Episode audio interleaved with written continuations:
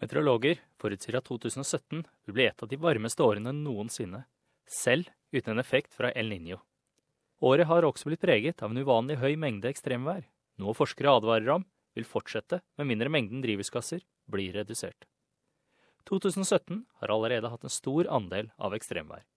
Da orkanene Harvey og Irma traff, var det første gang USA hadde to orkaner av kategori fire eller sterkere som traff fastlandet i samme år. En rekordmengde regn, over 1,5 meter, ble registrert i Nederland, Texas, under orkanen Harvey. Samtidig har Chile rapportert åtte ganger til vanlig antall skogbranner etter tørke i landet. Mange forskere mener at disse ekstreme værforholdene er tegn på klimaendringer. Peter Italos, generalsekretær ved Verdens meteorologiske organisasjon, sier at 2017 er på vei til å bli et av de varmeste årene noensinne registrert. 2017 is going to be among the three warmest uh, years on, on record. And it's much warmer than 2014, which was the previous year without the uh, impact of uh, El Niño. Temperaturen i år vil være litt lavere enn i 2015 og fjorårets rekordtemperaturer.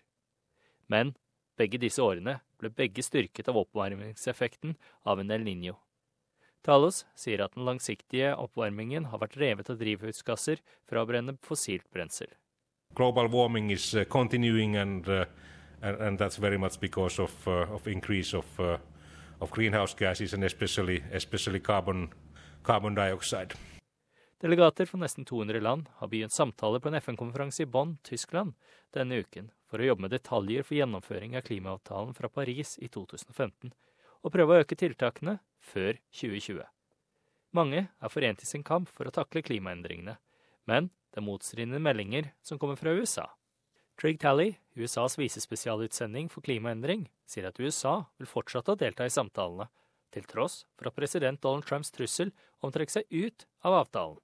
On June 1st, President Trump announced that the United States will withdraw from the Paris Agreement unless he can identify terms for re engagement that are more favorable to the American people.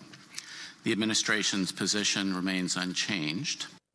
I løpet av den siste uken har en omfattende gjennomgang av 13 amerikanske føderale organer konkludert med at bevisene for global oppvarming er sterkere enn noensinne, og at over 90 av det har blitt forårsaket av mennesker.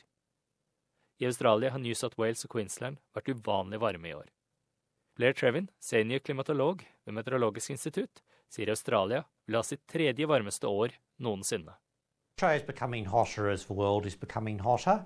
Uh, Australia warmed by about a degree over the last century, which is fairly similar to the rate of warming we've seen worldwide, as uh, shown by the figures that have just come out.